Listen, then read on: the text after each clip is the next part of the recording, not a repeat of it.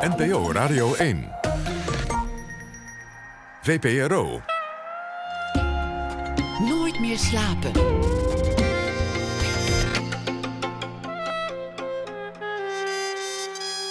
Met Pieter van der Wielen. Goedenacht en welkom bij Nooit meer slapen. Komend weekende begint de Dutch Design Week in Eindhoven. De top van de ontwerpwereld en de aanstormende talenten komen samen met ontwerpen van van alles. En voor, ja, voor wat eigenlijk? Voor een betere wereld, voor een makkelijk leven, voor schoonheid. Een econoom zou zeggen voor waardevermeerdering. Een plank van een tientje wordt zomaar een bijzettafeltje van 2000 euro. Ambassadeur dit jaar van de Dutch Design Week is eh, Christine Meindertsma. Zij zit tegenover mij en zij heeft een fascinatie voor spullen. Niet dat ze shopaholic is, maar ze is een soort ontwerper, filosoof. Onderzoekt onze relatie met goederen. Weten we nog waar onze spullen vandaan komen? Kunnen we dat nog weten? En kan het ons eigenlijk schelen? Haar doorbraak was een project waarbij ze uitzocht waar de restanten van één geslacht varken uitkwamen. In de carbonade, in de worst, maar ook in cosmetica, kleding, snoepgoed, zelfs in de remmen van een trein. Eén varken, duizenden bestemmingen. Deze week, in de Design Week, presenteert ze een installatie, Sharing Elements. En dit keer gaat het over onszelf. Ook wij bestaan uit elementen. En elementen vergaan niet. De lucht die de een uitademt, komt terecht in de longen van de ander. En dat verbeeldt ze in een installatie. De relatie tussen mens en wereld. Maar dat kan ze zelf vast veel beter uitleggen. Christine Meinertsma is geboren in 1980. Christine, welkom. Dankjewel. Dit is natuurlijk een heel druk moment voor jou, zo, zo kort voor de, de grote opening en uh, de presentatie van alles. Ja, ja, ja. Ik zit echt nog uh, onder het stof van, uh, van het opbouwen. Van het echt bouwen. Wat, wat voor installatie wordt dit? Wat, wat ga je maken? Um, nou, het is eigenlijk voor het eerst dat ik een installatie maak die zowel uit fysieke onderdelen als digitale onderdelen bestaat. Um, ik wilde heel graag laten zien uh, waar onze elementen vandaan komen. Of, of in ieder geval daar een start mee maken. Onze waar... elementen als de, de bouwstenen waar wij van gemaakt zijn. Ja, dus als je zou doen alsof moleculen niet bestaan en je alleen naar je atomen zou kijken, dus uh, je koolstof, zuurstof. Um, ja, waar is dat eigenlijk vandaan gekomen en waar gaat dat naartoe? En um, dat kan je dus niet. Uh, ja, ik heb dus een vitrine gemaakt waar je in echt in materie dat ziet. Dus dat is uh, 15 kilo koolstof bijvoorbeeld zit er in mij, maar ook uh, andere onderdelen zoals sulfur, natrium.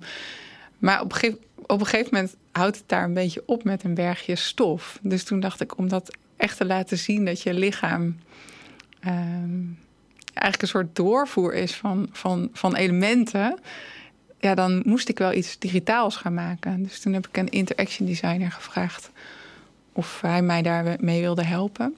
Om dat te verbeelden? Ja. En toen zei hij na een tijdje, nou, dit is zo'n complexe vraag, ik ga er nog iemand anders bij vragen. Dus uiteindelijk werk ik met Joel Catherine Lewis uit Londen en Reza Ali uit LA. Uh, en die hebben samen voor mij um, ja, een soort interactieve spikkelwolk gemaakt die we helemaal hebben ingericht op, uh, op je elementen in kloppende percentages. Wat, wat een fascinerende vraag. Het is ook wel logisch vanuit jouw werk. Je hebt ooit een trui van één schaap gemaakt. Ja.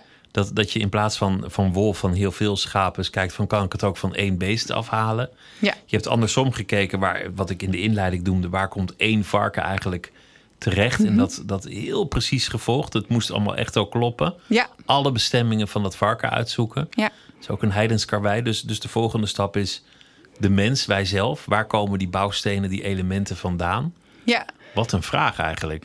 Ja, ja, en we laten ook, of ja, we, ik zeg we, omdat ik, uh, ik werk samen met uh, Lisa Hardon van de Dutch Design Week en er zijn er veel meer mensen bij betrokken. Um, dus we laten ook een uh, vitrine zien waarin je ziet een heel klein schaalpoppetje van 41 jaar, dus dat ben ik, maar heel klein, dus je ziet dat bijna niet.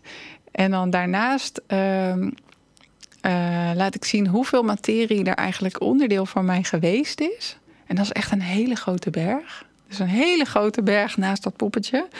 En daarna aan de andere kant van het poppetje zie je nog een hele grote berg. Want ervan uitgaande dat ik op de helft van mijn leven ben, en dacht ik, ja, het zou ook interessant zijn om te kijken hoeveel materie heb ik nou eigenlijk nog nodig. Want je, want je, je, je cellen bouwen op en breken af. Ja. En nou ja, we kennen de wet van behoud van energie. Mm -hmm. Dus de, de entropie, die gebiedt dat al die elementen uiteindelijk constant blijven. Ja, ik vind het super interessant dat je, dat je ook één, één keer in de zeven jaar bijna al helemaal vervangen bent. Dus dat je dus, dus dat eigenlijk. Je, je adem- darmen zelfs het snelst, geloof ik. Ja, en, maar bijvoorbeeld calcium, daar, dat blijft eh, op bepaalde plekken heel lang.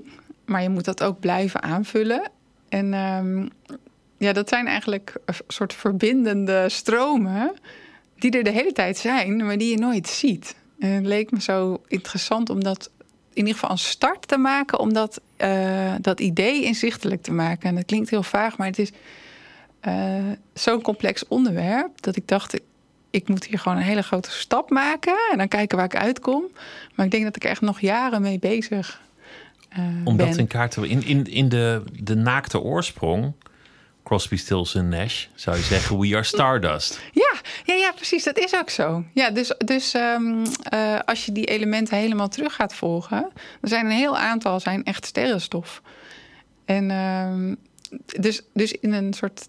Dit is dan de eerste versie, maar in een verdere versie zou ik heel graag die. ehm, dat treintje van, van verschillende objecten waar je dan eigenlijk onderdeel van bent geweest. Dus stel bijvoorbeeld vanaf die ster. eh, dat je eigenlijk een soort hypothese maakt van wat ben ik nou eigenlijk allemaal geweest. En dat je dat ook laat zien. Dus dat je eigenlijk zo één zo'n atoom helemaal zou kunnen volgen vanuit een ster. eh, via allemaal producten. Die dan door jou heen gaat, Ja. een deel van jouw lijf wordt, maar uiteindelijk weer afslijt, een deel van iets anders wordt. Ja, weer ingeademd wordt door iemand anders. Of een plant wordt. Of via de zee weer doorreist. Lijkt me echt zo. Dat lijkt me zo mooi om dat eh, te verbeelden. Maar dat is zo'n complex nieuw pad. Dat we nu eigenlijk eerst beginnen met het verbeelden van het lichaam als een soort grote wolk. En, en die verschillende elementen die er doorheen gaan. Maar waar die dan precies vandaan zijn gekomen en waar ze naartoe gaan. Dat, dat zou dan een soort volgende stap zijn. Dus, dus eigenlijk als ik het varkenboek. eh, als je, het is eigenlijk een omgekeerd varkenboek. Dus je kijkt niet van waar, waar komt dat varken allemaal in terecht. Maar hoe, hoe is alles wat in mij zit hier terecht gekomen. Dus als je Want daar dat, dat soort. varken had een nummer, want Ja. varkens hebben geen namen meer. Daar zijn ze met te veel voor. Ja, En- 05049. Dat was, het, dat was jouw varken, Mhm. het nummer. En die, en die kwam op duizenden onverwachte plekken terecht uiteindelijk. Ja, het is natuurlijk een heel industrieel proces. Dus uiteindelijk volg je ook industriële stromen. Ehm, ja, het zijn hele specifieke, gekke producten. Zoals de remmen van de Dui- Deutsche Bahn. En de, de, de haren van een tandenborstel. En eh, god weet wat zat er nog meer allemaal niet in. Ja, niet, Was het- ja, Nee, wat niet- was wel het? een, een je hebt wel een soort verfkwasten met varkenshaar. En eh, in brood zit ook een varkenshaar als broodverbeteraar. Ehm, ja, hele rare dingen. Eh, eigenlijk niet echt eh, meer volgbaar. Dus stel dat je het niet zou willen gebruiken, omdat je vegetariër bent of moslim of jood. Of, dan, ja, dat is eigenlijk gewoon bijna niet, eh, niet, niet echt uit te sluiten. Omdat het gewoon overal terecht komt. Omdat het uiteindelijk een, een, een code wordt. Of, of een molecuul. En, en er wordt er niet meer vermeld van hier Nee. zit varken in. Want Ja. het is zo ver verwijderd van het varken... dat het al lang niet meer die oorsprong heet te hebben. Ja, precies. Maar als je het volgt, is die verbinding er natuurlijk eigenlijk wel. En dat geldt, dat geldt andersom voor ons ook. Ja, Dus, dus ik eet een, een, een broodje worst, komt het varken weer. ja. Die ja, worst, dat word ik uiteindelijk. Ja, Maar goed, dat, een, een deel wordt, eh, wordt uitwerpsel, een deel gaat van mijn huid in schilfers af. Ja. Et of je nagels, of je Of- haar. Of je ademt het uit, of, Ja. of al dat soort dingen. En dat komt weer gewoon ergens terecht in die lange keten. Ja, en dat is zo, wat ik zo, zo eh, fascinerend vind. Is dat als je de aarde ziet als een soort eh, eindige bol elementen, wat het ook is. Het is er is maar zoveel van alles. Dus uiteindelijk delen we dat allemaal. Dus, dus jouw haar, jouw nagel, al- alles gaat weer ergens naartoe. En dat wordt dan weer wat anders. Dus, dus het idee dat soms zeggen mensen wel eens als, je, als er iemand sterft. Zo'n heel mooi idee van, oh, ik word weer een boom, of ik word weer een plant, of ik ga op in het alles. Maar ik wil eigenlijk met deze installatie onderzoeken of laten zien dat je tijdens je leven ook op die manier verbonden bent met van alles en nog wat. Dus dat concept ik, dat is een, een egocentrisch concept. Dat, dat Ja. zit in jouw denken. Maar Mhm. verder is dat ik gewoon verbonden met alle materie. Ja, Op een cyclische manier. Ja. Misschien dat bepaalde elementen ook wel weer terugkomen. Ja, Ja, ja, ja. Dat, dat, dat was ik. En dat werd hè, dus, dus eh, jouw uitwerpselen die komen op de grond terecht uiteindelijk ergens via heel veel omwegen. En daar groeit weer iets van, wat uiteindelijk weer in een broodje komt, wat misschien wel weer terugkomt. Ja, in, in de installatie hebben we ook om niet het alleen maar heel technisch en materiaalachtig te maken, een, ehm, een podcast gemaakt waar, we met, waar ik met verschillende mensen praat die een hele andere kijk hebben op een bepaald element. Dus eh, bijvoorbeeld eh, Bart Grop, conservator van Boerhaven, die vertelt over het zuurstofelement. En die vertelt dan dat de kans heel groot is dat wij eenzelfde zuurstofatoom inademen als Julius Caesar ooit nog heeft ingeademd. Uh, maar er vertelt bijvoorbeeld ook een boer over um, hoe komt dat calcium nou eigenlijk in onze botten terecht. Dus die vertelt dan over nou, de koe die graast uh, gras, wat calcium uit de grond haalt. Dan eet die koe dat op en dan beschrijft hij helemaal heel mooi hoe dat zeg maar door die koe heen in melk komt. En hij maakt dan ook kaas ervan.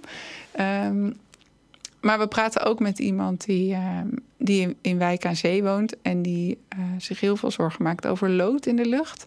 Dus het is, het is een soort van ja, de vrolijke. Van, vanwege de hoge ovens daar. Ja, dus de vrolijke kant van, van, van de elementen die je bent en die je nodig hebt. Maar ook omdat we staan natuurlijk op de Dutch Design Week en het gaat ook echt over producten. En aan die productwereld zit ook een hele nare kant. Dat wij dus eigenlijk een soort blenden met producten waar we helemaal niet mee willen blenden. Dus microplastic wat in ons terechtkomt. En, um, dus dat... Dat, dat las ik laatst. Dat, dat als je uit één menselijk lichaam Mhm. alle plastic zou verwijderen, wat, wat totaal ondoenlijk is, omdat het in microplastics over je hele lijf Ja. ver- verspreid zit. Maar als je de hoeveelheid zou optellen, zou je ongeveer evenveel plastic hebben als een bankpasje. Ja. Ja, en dat zou ik dus echt geweldig vinden om te kunnen visualiseren. Dat je dat op een Dat of andere bankpasje manier... plastic, Ja. dat, dat deel van jou is geworden. Ja, dat je, die, eh, dat je die atomenwolk als het ware zeg maar weer kan opsplitsen. En dan kan zeggen van nou, dit is dan uiteindelijk uit van allerlei... En dan ook laten zien uit welke soort plastic dat dan is gekomen. Uit, eh, is dat een shampoofles geweest of eh, een plastic zakje? Of... Dat is natuurlijk heel erg gek als je erover nadenkt. Dat je een stuk product in je hebt zonder dat je het weet. Nou ja, je bent, je, je bent een luie donder en je gooit je plastic tasje in, in de gracht, wat ik een, wat ik een misdaad vind. Ja. En dan komt dat eh, uiteindelijk terecht in de zee. En dan wordt het steeds kleiner en kleiner, komt in de visjes terecht. En die vis die eten wij, rechtstreeks dan wel weer via andere vissoorten. Ja, nou ja. En dan heb je alweer wat plastic binnen. Ja, en ik reed gisteren over de snelweg en toen reed ik door zo'n oh, van de afrit in zo'n bocht. Toen zag ik die hele bocht vol met plastic flesjes. En ik had, omdat ik nu zo met dat onderwerp bezig ben, ineens vond ik dat zo raar.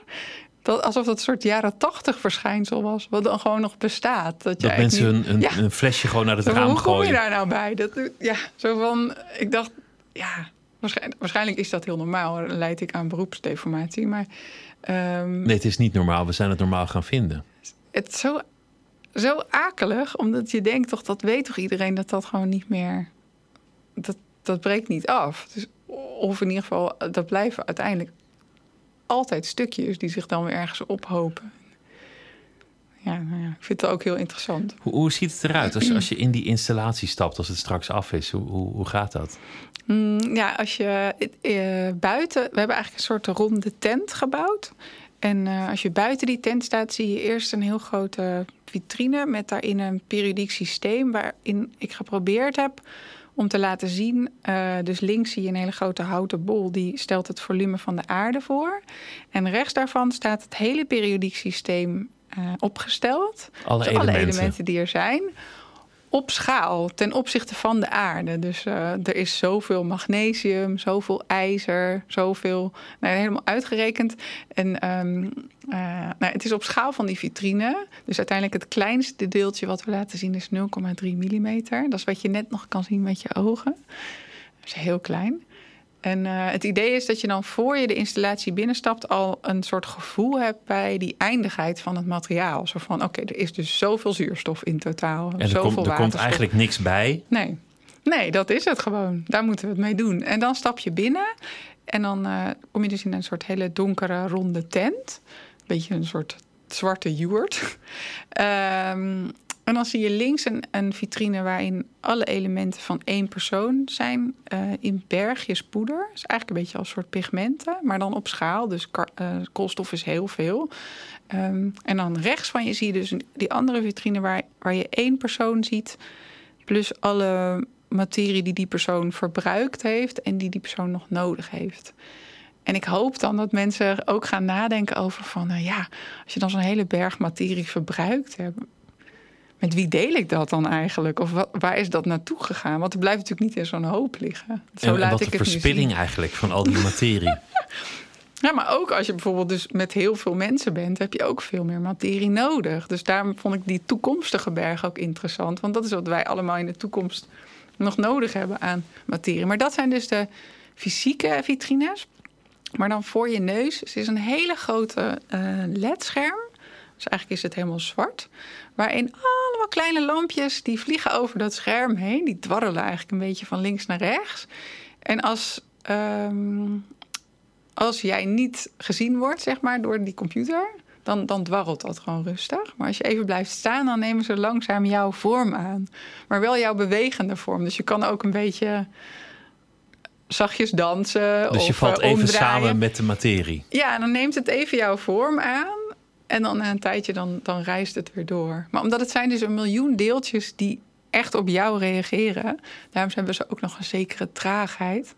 Maar het lijkt me dus heel leuk in de toekomst als die deeltjes nog sneller worden. Dat je dan ook echt je eigen motoriek erin ziet. Dus dat is eigenlijk als een soort vacht. Stel dat je zou schudden, zeg maar. Dat ze dan ook als een vacht meebewegen. Maar nu gaan ze nog heel zachtjes.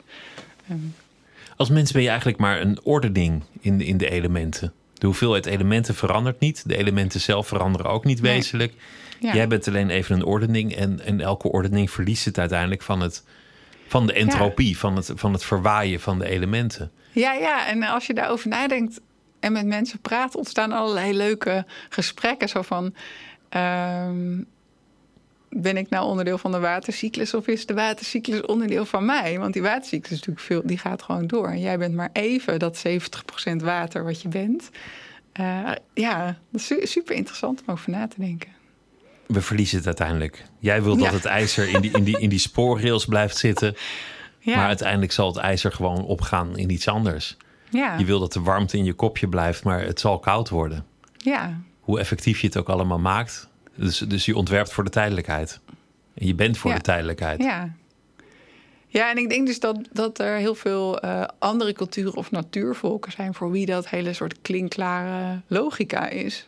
Die, die, die ook echt zo denken. En al, altijd al. Maar voor ons, als westerse mensen, met, is je lichaam is gewoon een soort losstaand ding. Van, en alle producten zijn losstaand. En het lijkt mij zo interessant om dan ja, die verbinding van alles te onderzoeken. Maar dan niet op een zweverige manier, maar gewoon letterlijk.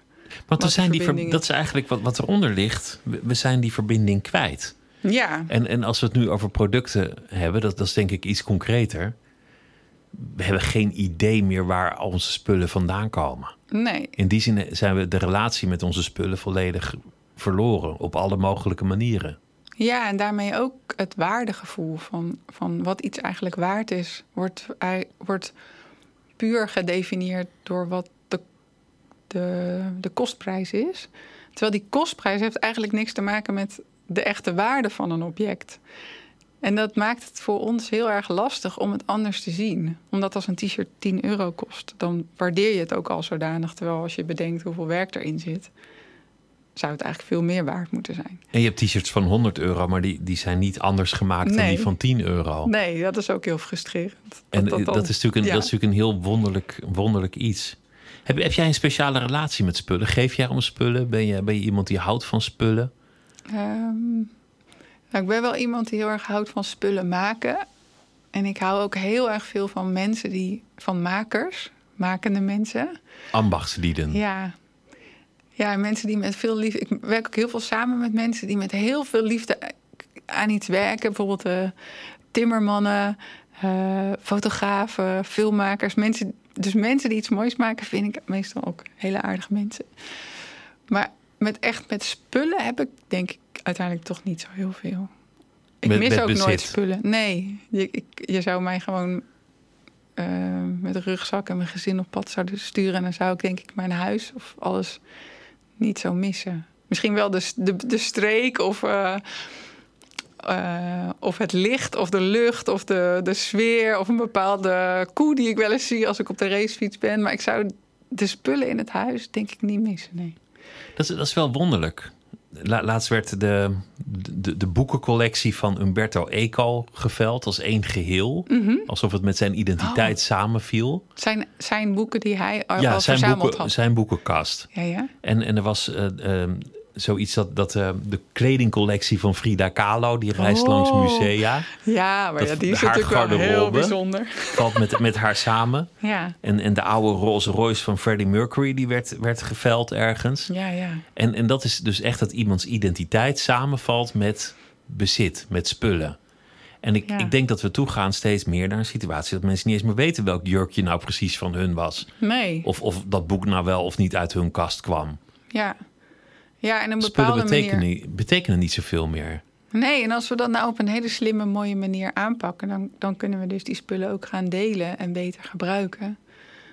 Maar ja, als dat leidt tot een soort waardeloosheid of van spullen, dat is dan ook weer jammer. Dus ik ja, het, is, wel- het is in ieder geval heel erg interessant dat we heel anders met dat, dat we dat we sowieso veel meer dingen gaan delen. Of dat we straks helemaal geen eigen auto's meer hoeven te hebben, bijvoorbeeld. Want je hebt geen auto nodig, je hebt vervoer Nee. nodig. Dus, Ja. je, dus je hebt toegang nodig en niet zozeer bezit. Ja, ja, ja. En dat de auto's dan, dat de wegen dan niet meer helemaal vol met auto's staan. Wat wij dan nu heel normaal vinden, maar wat natuurlijk eigenlijk heel gek is. Dat, dat iedereen een plekje inneemt van, Ja. van 2 bij 1 meter Ja, dat voor iets wat je een uur per dag Ja. gebruikt. Ja, dat zijn van die, van die. Er zijn best wel veel dingen rondom producten die dan. die, die normaal geworden zijn, maar die, die dit eigenlijk natuurlijk niet zijn. Zoals dat heel de, auto, de, de, de straat vol met auto's staat. Maar jurkjes die te goedkoop zijn of shirtjes die te goedkoop zijn, die, Mhm. die koop je, draag je twee keer. Die gooi je uiteindelijk weer weg. Ja, Die, die komen weer in dat systeem. Dat is bij uitstek denk ik heel verspillend. Ja, ik heb nu net een, mee, mocht ik meewerken aan de tentoonstelling Long Live Fashion in het Textielmuseum. En daarvoor heb ik in kaart gebracht hoe, hoe één recyclingbedrijf, ja, hoe dat eigenlijk in zijn werk gaat als kleding weggedaan wordt en wat het pad dan is. En ehm, in die tentoonstellingsruimte wilde ik die, die hele weg laten zien, dus ook percentueel in kaart brengen. Maar het begint dus al dat mensen eigenlijk heel veel afval in, hun, in die kledingzakken stoppen. Dus dan moet al 15% weggegooid worden. Omdat het te smerig is geworden Ja. tussen, tussen het, het oude eten en al dat soort dingen.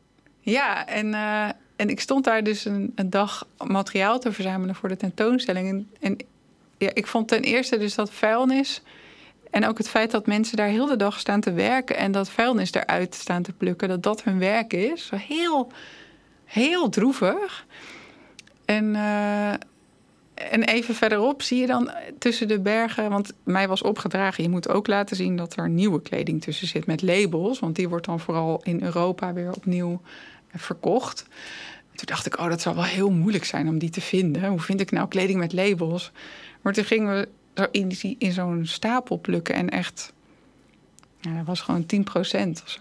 Super veel nieuwe kledingstukken. Nooit met gedragen Nooit gedragen, niks. En meteen weggegooid. Met die papieren labeltjes met een touwtje met, met alles er nog aan. En dat je dan zo aan je linkerkant dat, dat vuilnis tussen de kleding... en aan de rechterkant, zeg maar, in diezelfde badge ook al die nieuwe kleding.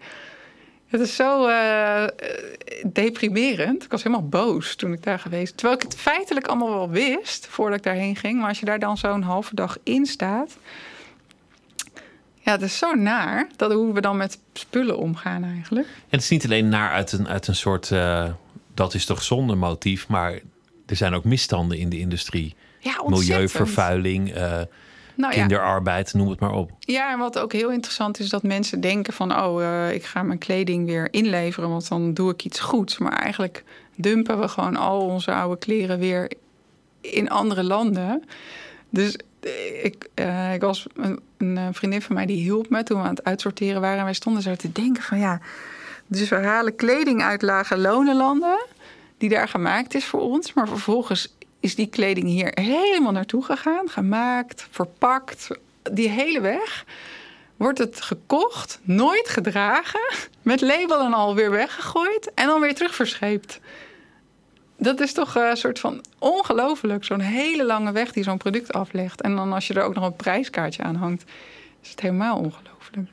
En dan, dan voer je het meeste geld gaat op aan de marketingcampagne, waardoor je aan een, een woord of logo bepaalde hele abstracte waarden toekent. Ja. Uh, dan, dan staat er een, een merkje op, Super Dry of zoiets. Ja, ja, ja. En dan, dan door die marketing ga jij geloven dat bepaalde eigenschappen met jou samenvallen via dat shirt. Ja.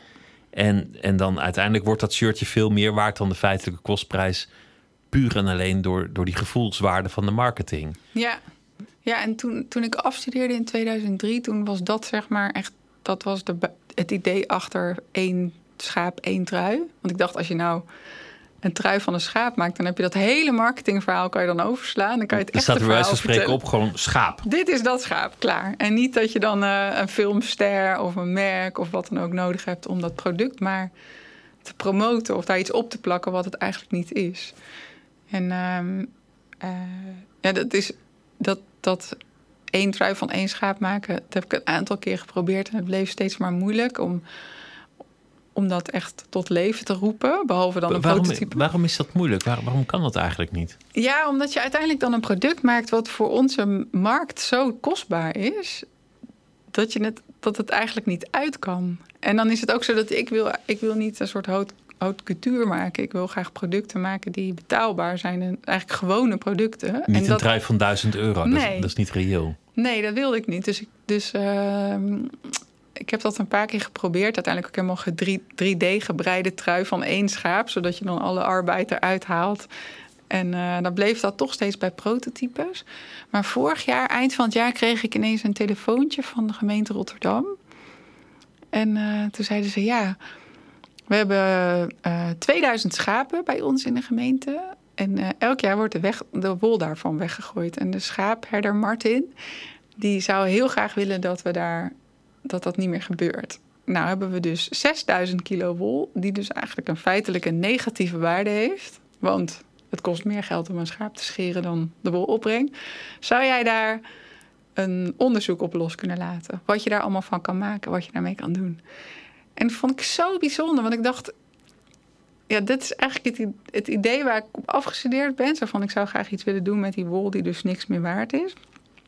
En dat, je dan, dat het je steeds niet lukt om dat rond te krijgen. En dat je uiteindelijk zeg maar 18 jaar later een opdracht krijgt die precies daarover gaat. En dat je ook voelt dat heel de tijdsgeest uh, gekeerd is. Want tegelijkertijd is Blue City in Rotterdam ook bezig gegaan.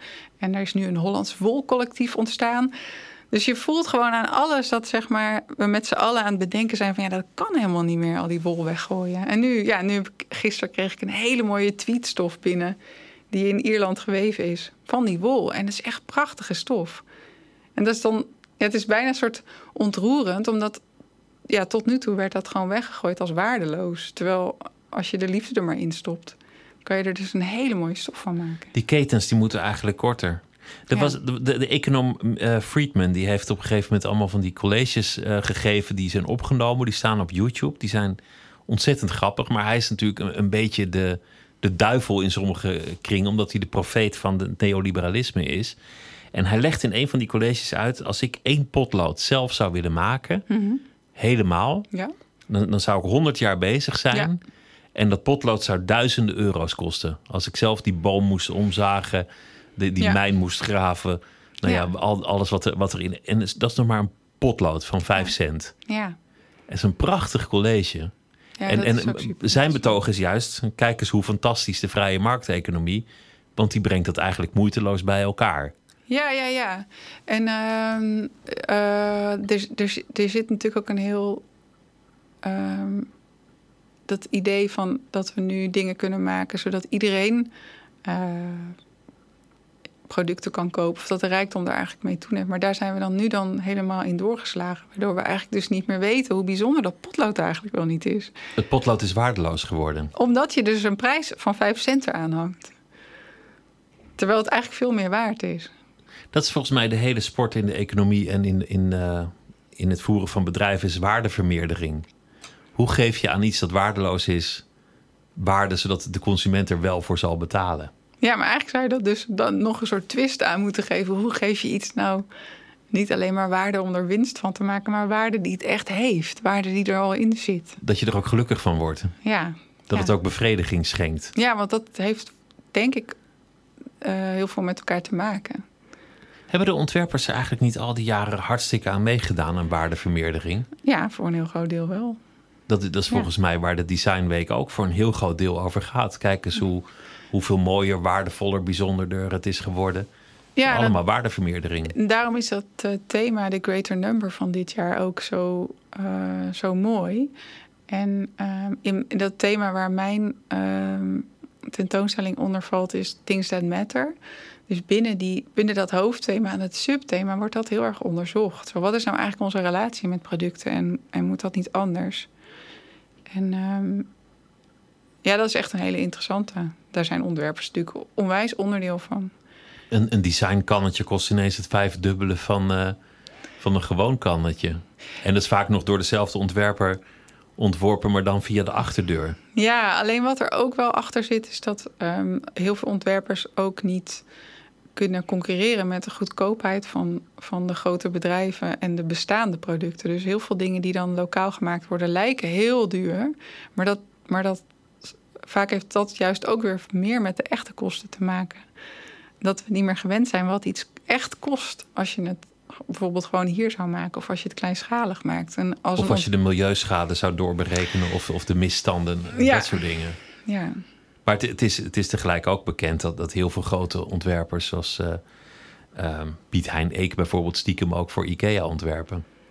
Ja, volgens mij had Piet Hein Eek heeft natuurlijk zijn eigen maakbedrijf. Volgens mij was de reden dat hij voor IKEA ging werken, dat hij dan in één keer een heel groter, veel groter publiek kon bereiken. Of dat ik denk dat, dat dat zijn idee daarachter was. Ja, ik vind dat wel IKEA wel een lastige omdat het zo groot is? Ja, sowieso. Er zijn heel erg veel uh, van die grote bedrijven die eigenlijk gewoon ja, de, de spelregels bepalen bijna binnen een soort van productgroep. Um, en die zijn nu ook heel erg aan het verduurzamen, of in ieder geval met die onderwerpen bezig. Ook in de kledingindustrie zie je dat ook. Grote bedrijven die ook zeg maar, aan die duurzame kant dingen aan doen zijn. Maar dan tegelijkertijd gaan ze nog keihard door met het verkopen van die producten. En ik vind dat zo. Um, um, ingewikkeld thema om over na te denken. Zo van, ja, als je impact wil maken, heeft het bijna alleen maar zin als die grote bedrijven het doen. Dus ja, dat is goed. Maar aan de andere kant blijven ze gewoon keihard allemaal die producten maar gewoon de markt op uh, gooien. Slingeren. Ja, en dat, ik vind dat heel tegenstrijdig voelen. Ik weet ook niet zo goed hoe je je daar dan in het, in het allermeest cynische geval zou je kunnen zeggen: ook dat is waardevermeerdering geworden. Ja. Zeggen dat iets schoon is, milieuvriendelijk of uh, slaafvrij gefabriceerd, is weer een manier om iets dat intrinsiek weinig waarde heeft, een hogere prijs te geven. Ja, en ook gerecyclede spullen weer verkopen. Ja, de Waardoor het ook heel ja. elitair wordt, omdat het een, een, een, manier is van mensen met meer geld om zich verheven te voelen boven de mensen die het allemaal niet kunnen betalen. Zeker, ja. Ja, ja, ja. Ja, het is heel ingewikkeld. Ja, ingewikkeld is het en interessant is het. Voor wie het inschakelt, Christine Meinertsma zit hier. En zij is ambassadeur op de Dutch Design Week. En uh, toont daar nieuw werk. En is geïnteresseerd in de relatie tussen mensen, elementen en, uh, en spullen en, en mensen. En, en, we hadden het over, over dat wij bestaan uit elementen die vervallen, mm -hmm. die weer bij ons komen. En wat onze relatie eigenlijk is met producten. Je hebt een keer uh, de, her of, of de bestemming van één geslacht varken uitgezocht bijna niet te doen, waar al dat uh, materiaal weer terecht komt. En nu dus andersom. Wanneer wist je eigenlijk dat je, dat je ontwerper zou gaan worden? Want, want dit zijn vragen die ook best wel zouden passen bij een econoom of een, of een wetenschapper of, of een ander beroep. Ja, ik geloof niet dat ik zozeer ontwerper wilde worden, maar ik, ben, ik zat in VWO 6 en toen, of VWO 5 geloof ik. Toen ben ik naar een open dag in Eindhoven geweest, naar de Design Academy. En dat was toen nog in het oude gebouw, een heel mooi gebouw was dat. En ik weet nog dat ik daar rondliep op die open dag met mijn moeder. En dat ik die studenten zag. En overal waren mensen dingen aan het maken en aan het overleggen. En kasten die uitpuilden met uh, allemaal toffe prototypes. En dat ik gewoon alleen maar dacht: hier moet ik naartoe.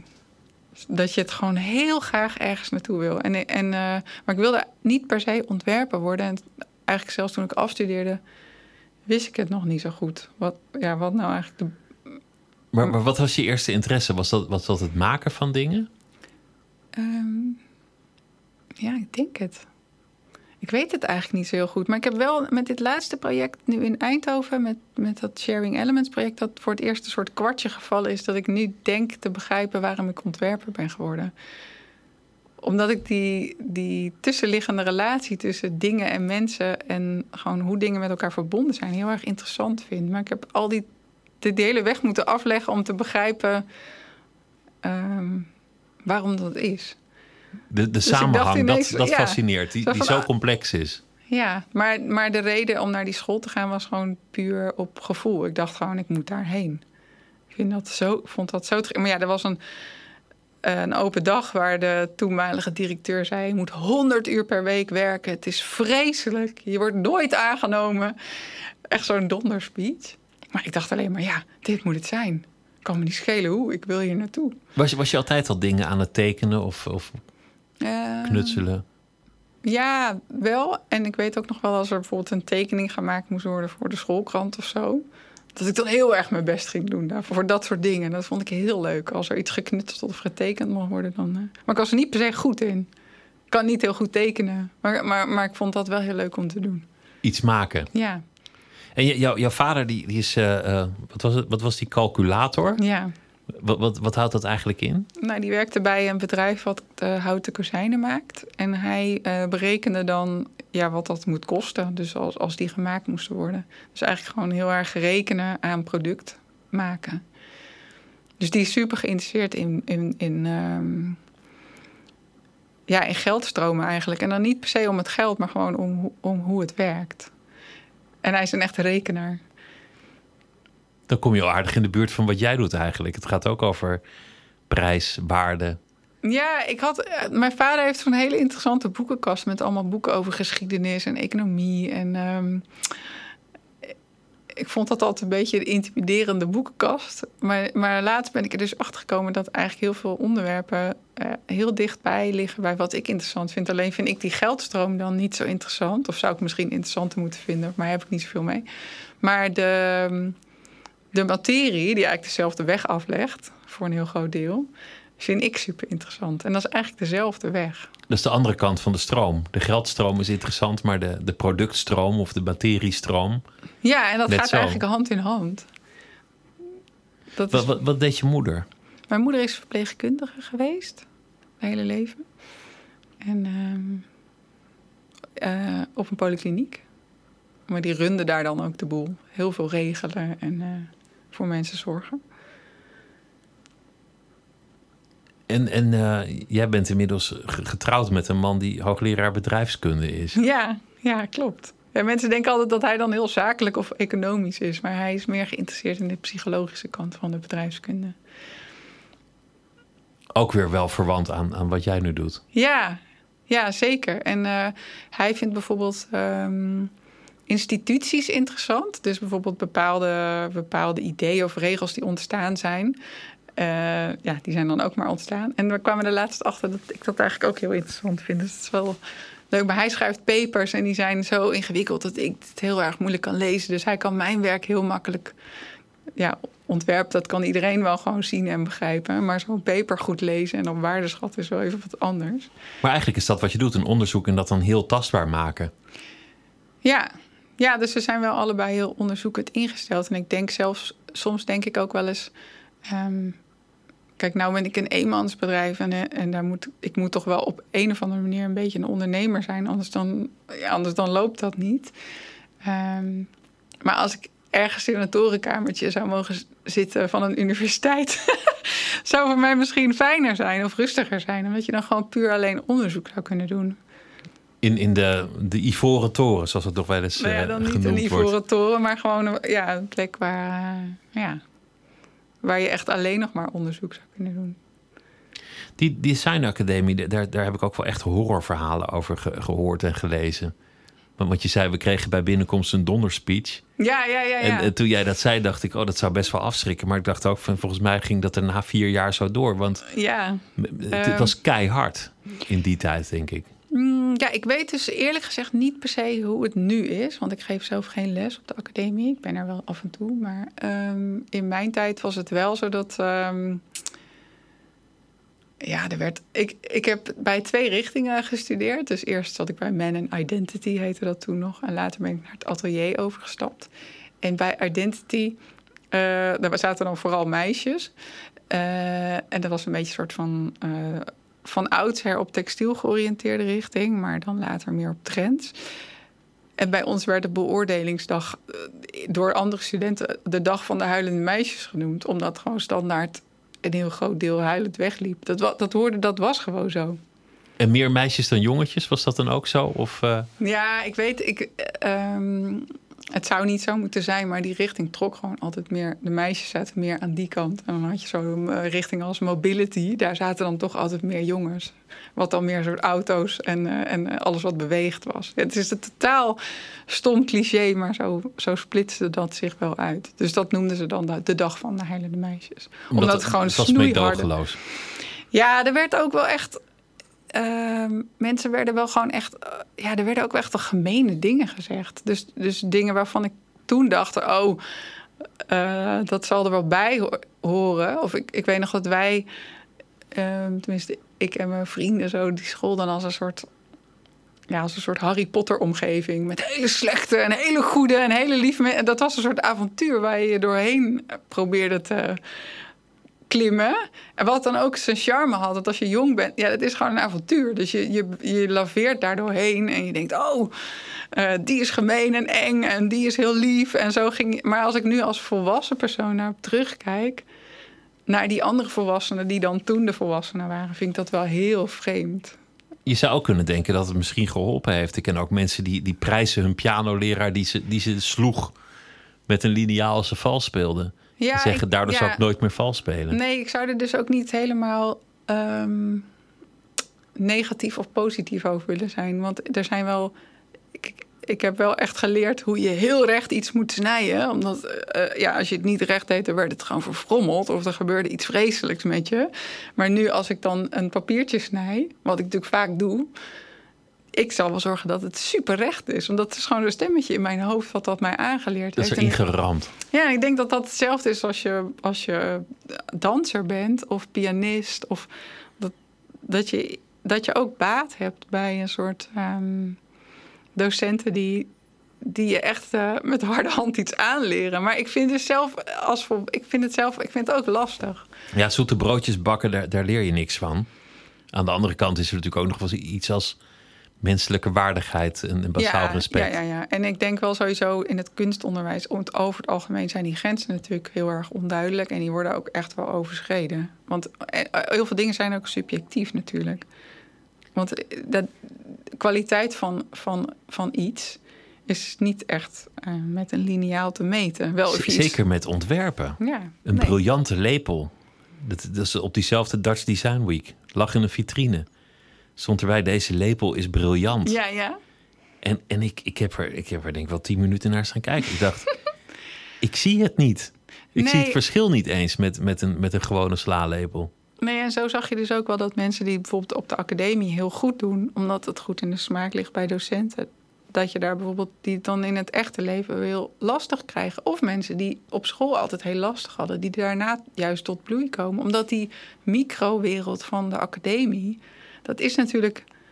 Het is niet de echte wereld, zeg maar. Of, of ik zou niet moeten zeggen, het is niet echt. Het is niet de hele wereld. Het is gewoon een versie van de wereld. Maar vervolgens, als je daar buiten komt, dan, dan blijkt die wereld gewoon heel anders te zijn. Ik vind En- de metafoor van de echte wereld eigenlijk, eigenlijk wel leuk. Dat, Ja. je, dat je dus een soort verbeelde wereld hebt waarin de normen van de docenten en het, en het, en het kader Ja. bepalen wat briljant is en mooi. En ja, daarbuiten zijn natuurlijk andere factoren. Ook Ja. het publiek en, en misschien wel de commercie of, Ja. of gewoon ook de, de praktische Maar ja, die handigheid cocon, ervan. maar die cocon waar je dan vijf jaar in zit, is ook heel waardevol. En ook, ook dat je erin gelooft. Dus het, het is eigenlijk een soort, je gelooft daarin en je neemt ook die docenten serieus. Als dat is zeg maar je universum op dat moment. Daar zit natuurlijk ook veel waarde in. Want als je zegt, ja, ik vind dit allemaal niks. Ik geloof er niks van wat je tegen me zegt. Dan, dan heeft het ook geen zin meer, zeg maar. Dan ga je er ook niks leren. Nee. Dus, uh, maar, maar, maar het is leuk om erachter te komen na je academie dat je die wereld waar je dan ingaat voor een heel groot deel ook zelf vorm mag geven. Of de manier waarop je dat doet. En dat dat gewoon hè, vervolgens helemaal los staat van hoe die academietijd eruit zag.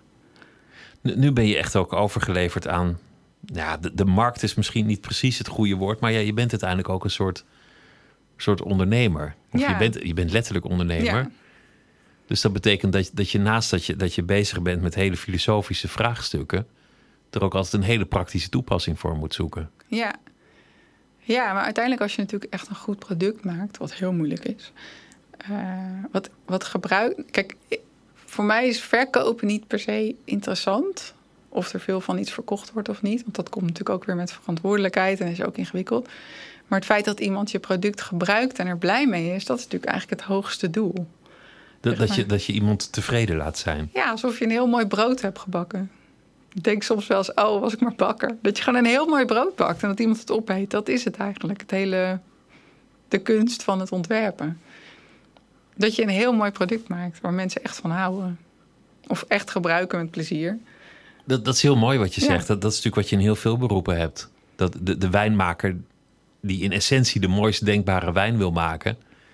En daarna pas denkt van hoe, hoe krijg ik dit in godsnaam rendabel? Ja, of jij een heel mooi radioprogramma maakt waar mensen met plezier naar luisteren. Dat is eigenlijk toch waar je het voor doet. De, de intrinsieke waarde. Ja. Ik denk ook dat de mensen die voor intrinsieke waarde gaan in deze samenleving het risico lopen altijd genaaid te worden. Omdat mensen aan de andere kant denken: ja, jij wil toch het beste maken of ik jou nou goed betaal of niet. Je doet het toch wel. Nou, ik denk wel dat dat is ook wel, heeft onderzoek ook wel laten zien dat de creatieve sector of mensen die in de, in de creatieve sector werken, of je nou danst of theater maakt, of dat mensen gewoon standaard veel te hard werken omdat het gewoon uit ook uit liefde is. En je wil altijd ze het beste Ze tellen uren niet en, en ze tellen de, nee, ja. de rendabiliteit helemaal niet meer.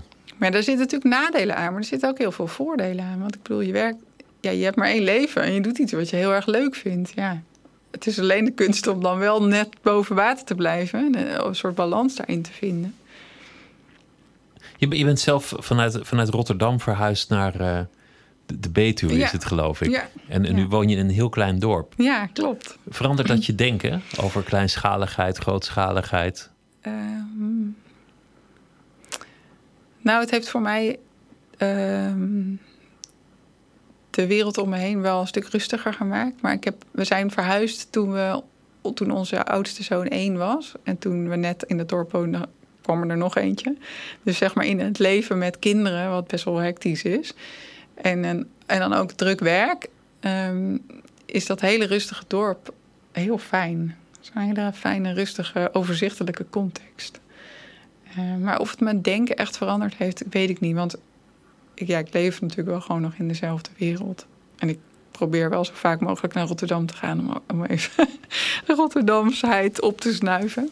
Maar, um... Het is natuurlijk ook niet zo dat mensen in een dorp ineens wel in zelfgemaakte kleren lopen of nee, zo. Nee, en het dorp is ook niet. Het is best wel een verwaterd dorp. Dus het is, is ja, van allerlei soorten mensen bij elkaar.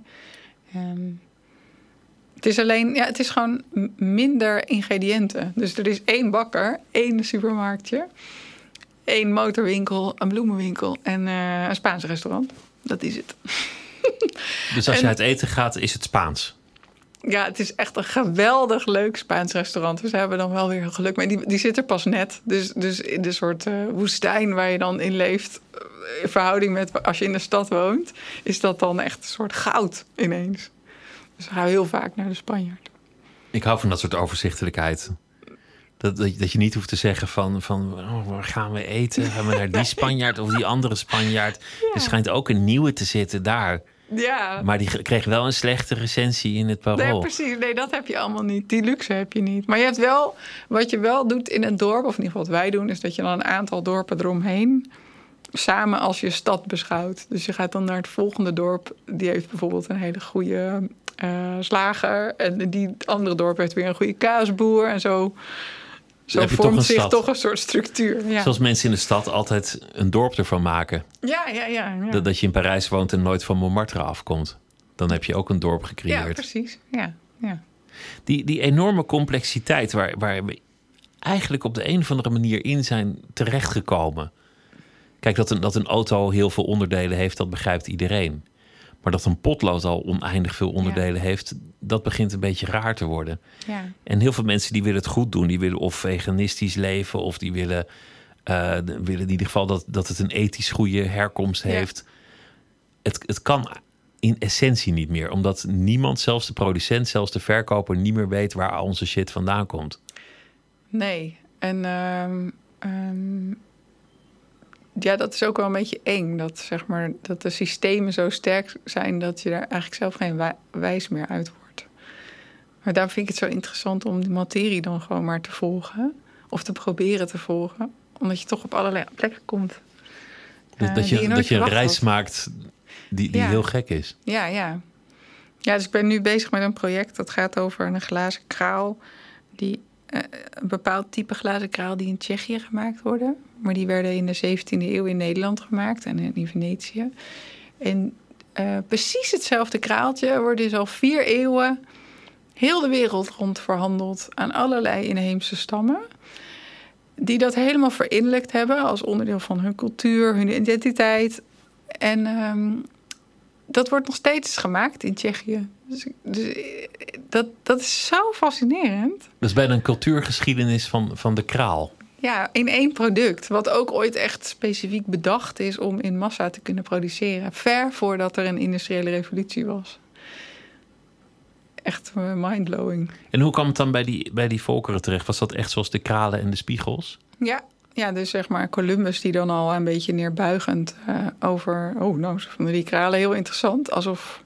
En dan Dus- gaven ze niet glimmend goud, omdat dat nog niet bewerkt was. En dachten ze dat die kralen meer waarde hadden. Dus het leek een goede deal. Ja, en dat is ook dan een beetje het westerse perspectief... dat dus die kralen niks waard zijn. En dat zij het mis hebben bijvoorbeeld al. Hè, dat dat een goede handels... eh, Misschien zijn ze wel meer waard dan Ja, goud. Wie precies. zal het zeggen? Ja, wie zegt dat? Het is eigenlijk natuurlijk gewoon totaal maar net hoe je het ziet. Eh, maar bijvoorbeeld, ehm, ik doe nu een project met Elizabeth James Perry. Zij is een onderdeel van de Wampanoag-stam in Noord-Amerika. En de Wampanoag-stam woonde op een plek waar de Mayflower ooit aangekomen is... met wat heel veel Amerikanen zien als de eerste Amerikanen. Pilgrim Fathers. De Pilgrim Fathers. Ehm, want één op de vier Amerikanen denkt daarvan af te stammen. Dus voor, voor, voor die kant eh, is dat een heel belangrijk schip. Eh, maar vanuit Native Amerikaans perspectief is dat niet per se zo. Het begin van heel veel rampspoed. Ja, ook echt wel het begin van het einde. Ehm, maar onderdeel van, van die tijd was dus dat er... er was natuurlijk nog geen geld om te handelen. Dus werd er met kralen gehandeld. En Elizabeth eh, is een kunstenares die... Zij maakt ehm, armbanden nog... En eigenlijk allerlei ehm, sieraden nog op de traditionele manier van schelpen. Dus precies zoals ze dat heel vroeger deden. Maar ze gebruikt ook die glazen kralen. Dus ik heb haar gevraagd van... zou je het leuk vinden om samen een project te doen? En dan te kijken van ja, waar komt die glazen kraal eigenlijk vandaan? En eh, ja, het is echt zo'n superleuk, leerzaam project geweest. Maar ook heel ingewikkeld, omdat het heel erg je, jezelf ook op een plek zet. En jouw eigen achtergrond en cultuur die je misschien niet zag of niet zo zag. Ehm, Dus, dus als, als westerling bedoel je dan? ja, ja dat, dat, ik, het, was, het, is een, het is een project wat onderdeel van de tentoonstelling Another Crossing is. Waar heel veel, vooral Amerikaanse en Engelse kunstenaars voor gevraagd waren. En ik dan als Nederlandse. En eh, we hebben een aantal onderzoeksreizen gemaakt. En ik, en ik merkte gewoon... Ik, ik stond daar heel erg blanco in. Zo van, eh, nou, wat een interessant project. Geschiedenis, zo een soort van vrolijk.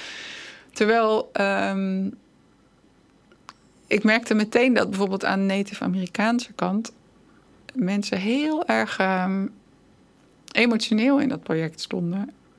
Eh, En dan voel je meteen dat oh, iets wat voor mij als een soort verre historie eh, lijkt, is voor andere mensen nog steeds elke dag van invloed op hun bestaan. En die Pilgrim Fathers die worden gevierd, die worden vereerd, Ja, die, worden, die worden herdacht.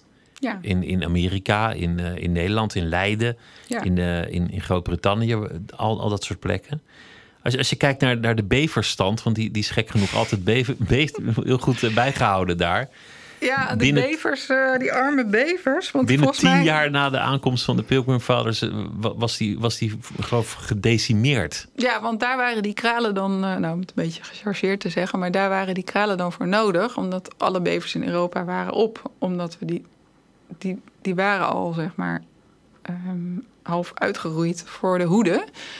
En naar Noord-Amerika waren dus nog heel veel bevers. En met die kralen konden ze dan beverhuiden kopen en die weer terug. ehm, Tot ze daar ook op waren. En dat is eigenlijk het winnend systeem geworden. ja, het is Het systeem dat zo verspillend was, dat, dat zo korte termijn was, uitputtend. Ja, Dat gewoon alle be- bevers plat maaiden en dan op zoek ging naar nieuwe. Dat Ja, is ons ja. systeem. Ja, en, ja, en, en, heel. eh, het is een soort heel verdrietig eh, geschiedenis, omdat mensen dus. ehm, ik had een boek gelezen. ehm, wat er waarin iemand omschreef, zo'n soort metafoor, alsof er iemand in je huis komt logeren. En dan vervolgens allemaal nog vrienden uitnodigt. En nog meer en nog meer. En uiteindelijk word jij eigenlijk je eigen huis uitgezet. En zo is het natuurlijk zo, die Native Amerikaanse geschiedenis. Ik kreeg op school, of zo herinner ik het me, alsof Amerika een soort half leeg continent was. Waar de Europeanen aankwamen. Maar dat was helemaal niet half leeg. Het was gewoon vol met mensen die daar, eh, die daar woonden. En vervolgens, ja, die zijn allemaal verplaatst en op andere plekken terechtgekomen. En die En hebben daar nog steeds. Heel veel zijn gewoon dood gegaan. Ja, en eh, er zijn gewoon hele, hele nare dingen eh, gebeurd. En, en dat, is, ja, dat is toch een beetje onduidelijk gebleven. En, en, en, en, maar, maar het was dus heel, eigenlijk wel een soort schokkend om te merken dat voor mensen dat die geschiedenis dan in het, he, in het hedendaagse nog zoveel invloed heeft. Nog steeds pijn doet. Ook de geschiedenis van ons systeem. Ja. Ik wens je heel veel plezier met eh, de Dutch Design Week en met het eh, maken van de installatie Sharing Elements. Christine Meinersma, dankjewel. Het was een genoeg om met je te praten. En dit was eh, Nooit meer slapen voor deze nacht. En morgen, dan zijn we er natuurlijk weer. En ik wens u voor nu een hele goede nacht. En graag weer tot de volgende.